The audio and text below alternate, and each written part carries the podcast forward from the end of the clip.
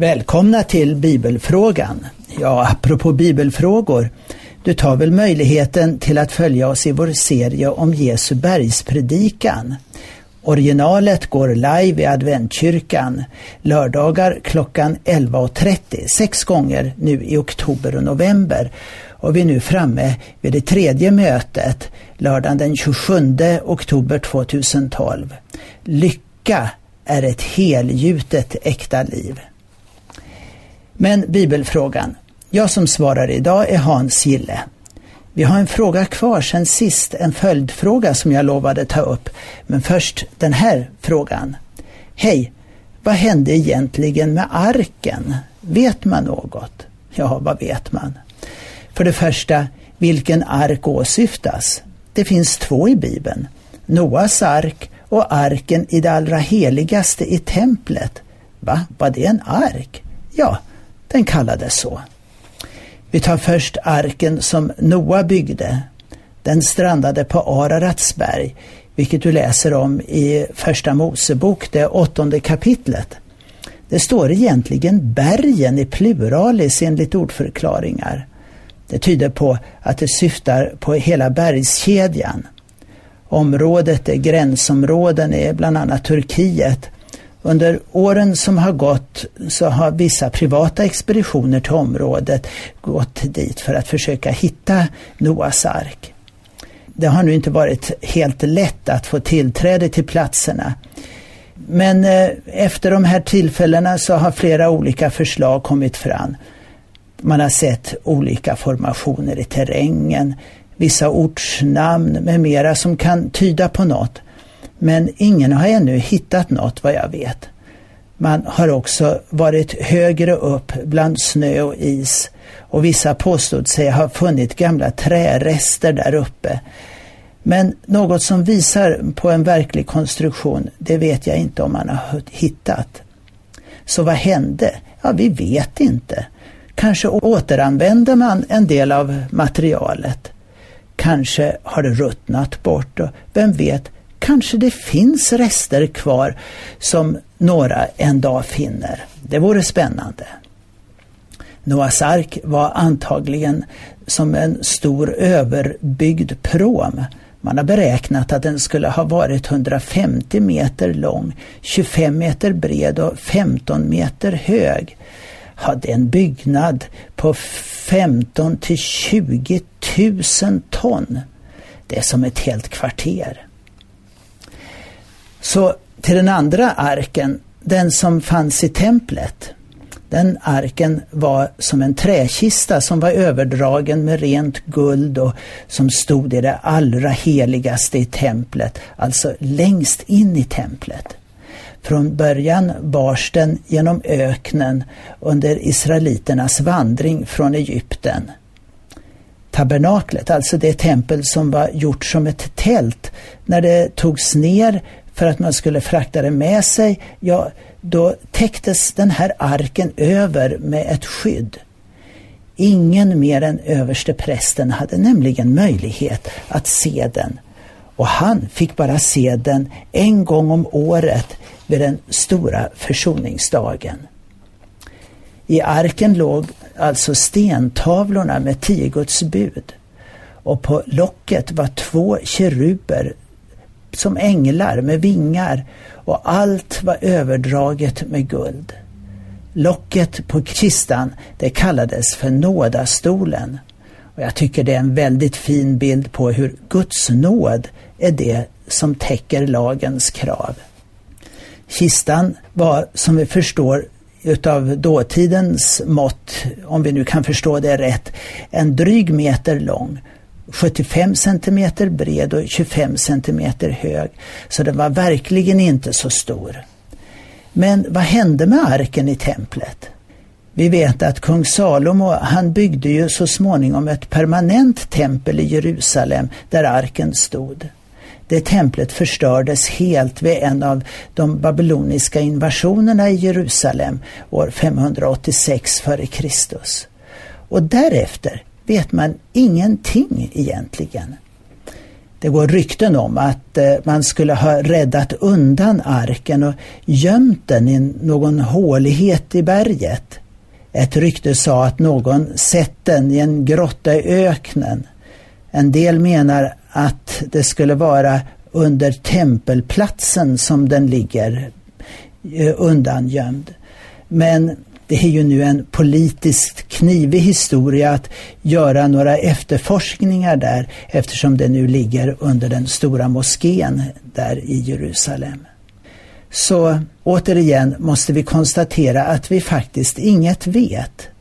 Togs den med till Babylon när så många skatter från templet togs dit? Varför kom den då i så fall inte tillbaka med allt annat som togs tillbaka till templet när det byggdes upp igen under persernas regering som följde på den babyloniska. Det templet som byggdes senare, det byggdes ut särskilt av Herodes den store som levde till tiden vid Jesu födelse. Men det allra heligaste stod tomt om jag förstår saken rätt det var kanske inte så avgörande på ett sätt. Israels Gud var ju inte bunden till något tempel. Precis som Stefanus, den första martyren, konstaterar i sitt tal till folket i Apostlagärningarna 7 och 48. Den högste bor dock inte i något som är byggt av människohand. Tanken har förstås varit att Gud på något sätt skulle ha velat rädda det mest heliga som fanns i templet. Men Jesus sa om sig själv att han var templet i fortsättningen. Och det är ju faktiskt det viktigaste templet för oss idag. Klart, det skulle vara intressant om marken kom i dagen igen. Men tron på Jesus som vår frälsning och räddning ändå det viktigaste. Så till den andra frågan. Förra gången så hade vi ju frågan om alla människor en gång kommer att bli frälsta, räddade. Vi kunde då konstatera att människan själv gör sitt val i den mån vi känner till frälsningen i Jesus och att Gud dömer både kärleksfullt och rätt. Frälsningen i Jesus är alltså avgörande. Men till detta kommer en följdfråga eh, som också kommer fram i det brev som vi fick här. Vad händer då med dem som inte har accepterat frälsningen i Jesus? Vi ser att det är två delar på frågan. Det finns de som aldrig haft möjligheten att överhuvudtaget nås av evangeliet. Ingen har någonsin berättat för dem om frälsningen i Jesus. Paulus funderade på vad som skulle kunna hända med dem. Eh, vi kan läsa från Romarbrevet, det andra kapitlet 11 16. Gud gör inte skillnad på människor, ja det är skönt. Alla som har syndat utan lag ska också gå under utan lag och alla som har syndat under lagen ska dömas genom lagen. Det är inte lagens hörare som blir rättfärdiga inför Gud utan lagens görare. Hedningarna har inte lagen, men om de av naturen fullgör lagens krav, då är de sin egen lag fast de saknar lagen. Därmed visar de att det som lagen kräver är skrivet i deras hjärtan. Om det vittnar också deras samvete och deras tankar när tankarna anklagar varandra och försvarar sig. Det ska framgå den dag då Gud, enligt det evangelium som jag har fått från Kristus Jesus, dömer vad som är fördolt hos människan. Med andra ord, Paulus vill visa att Gud dömer rättvist. Vi människor kan inte ta ställning till något annat än det vi känner till och det tycks vara det som är det viktiga för varje människa. Samtidigt är det en enorm fördel att verkligen ha mött evangelium i Jesus och få ta emot det. Allt faller så mycket bättre på plats. För den som räddats från ett tidigare destruktivt liv, hat, kriminalitet, oförsonlighet, alkoholmissbruk etc. vet mer än väl vad evangeliet verkligen kan göra. Redan här och nu vad domen gäller så har vi överlämnat det åt Gud och vi ska inte göra våra egna bedömningar för mycket. Det är Gud som ser på insidan av oss människor. Och vi kan ju tänka, för en del är det kanske ett plus och för andra ett minus. Så vi har alltså de som aldrig fått veta något. Det kan vi överlämna åt Gud. Men det som haft möjlighet då, men inte tagit vara på den, de som till och med förkastat Guds nåd.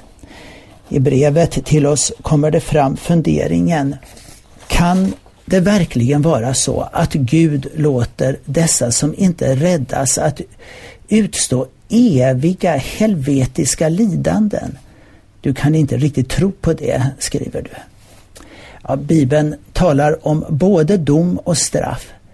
Men ser det verkligen ut som i Dantes Inferno med ett brinnande helvete där djävlarna går runt och petar folk tillbaka i den eviga elden?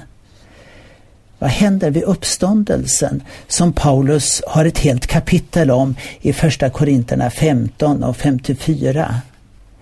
Men när detta förgängliga har klätts i oförgänglighet och detta dödliga klätts i odödlighet, då ska det ord fullbordas som står skrivet, döden är uppslukad och segern vunnen. Du död, var är din seger? Du död, var är din udd? Dödens udd är synden och syndens makt kommer av lagen. Men Gud vare tack som ger oss segern genom vår Herre Jesus Kristus. Döden är uppslukad, står det. Då finns inte döden längre någonstans där i framtiden. När Johannes såg in i framtiden så ser han de frälsta, de räddade och skriver i Uppenbarelseboken 21 och 4 Döden ska inte finnas mer. Alltså döden är borta. Ingen kommer längre att dö. Och strax innan i kapitlet före så har han beskrivit vad som händer vid domen det kallades förr för den yttersta domen. Med andra ord, den slutliga domen. Uppenbarelseboken 20 och 13. Och havet gav igen de döda som fanns i det och döden och dödsriket gav igen de döda som fanns i dem. Och var och en dömdes efter sina gärningar. Och döden och dödsriket kastades i den brinnande sjön. Detta är den andra döden, den brinnande sjön. I folkbibeln står det helvetet istället för dödsriket och att det kastades i den här eldsjön. Med andra ord, här får allt lidande, synd, Satan och allt ont, det kommer i sin slutliga grav. Efter detta så är allt nytt. Det gamla är borta. Allt är som från början igen, den gång Gud skapade vår jord. Stefan Edman har poängterat att det bibliska slutmålet, det är inte himlen utan den nya jorden. Så evigt liv är verkligen just evigt liv. Och evig död är verkligen just död. Död är motsats till liv. Att säga att döden inte är verklig, att man slinker vidare på något sätt, det är att säga att döden i praktiken skulle vara fortsatt liv, vilken form man än tänker sig det här. Men för att undanröja alla spekulationer så poängteras att döden är evig utan återvändo, evig i sin slutgiltighet. Domen är slutlig, evig. Ja, det finns säkert mycket mer att säga om allt det här, men vi får nöja oss med detta. Du som har frågor, ring eller skriv till Radio Adventkyrkan. Det enklaste är att ringa Adventkyrkan här på 031 711 11 99. Och kom ihåg mötena som vi har på lördagar klockan 11.30 om bergspredikan. Det handlar om att lycka är ett helgjutet äkta liv den här gången. Och du hittar oss på Adventkyrkan, Norra Legatan 6 nära Järntorget. Jag heter Hans Gille och du lyssnar till Radio Adventkyrkan.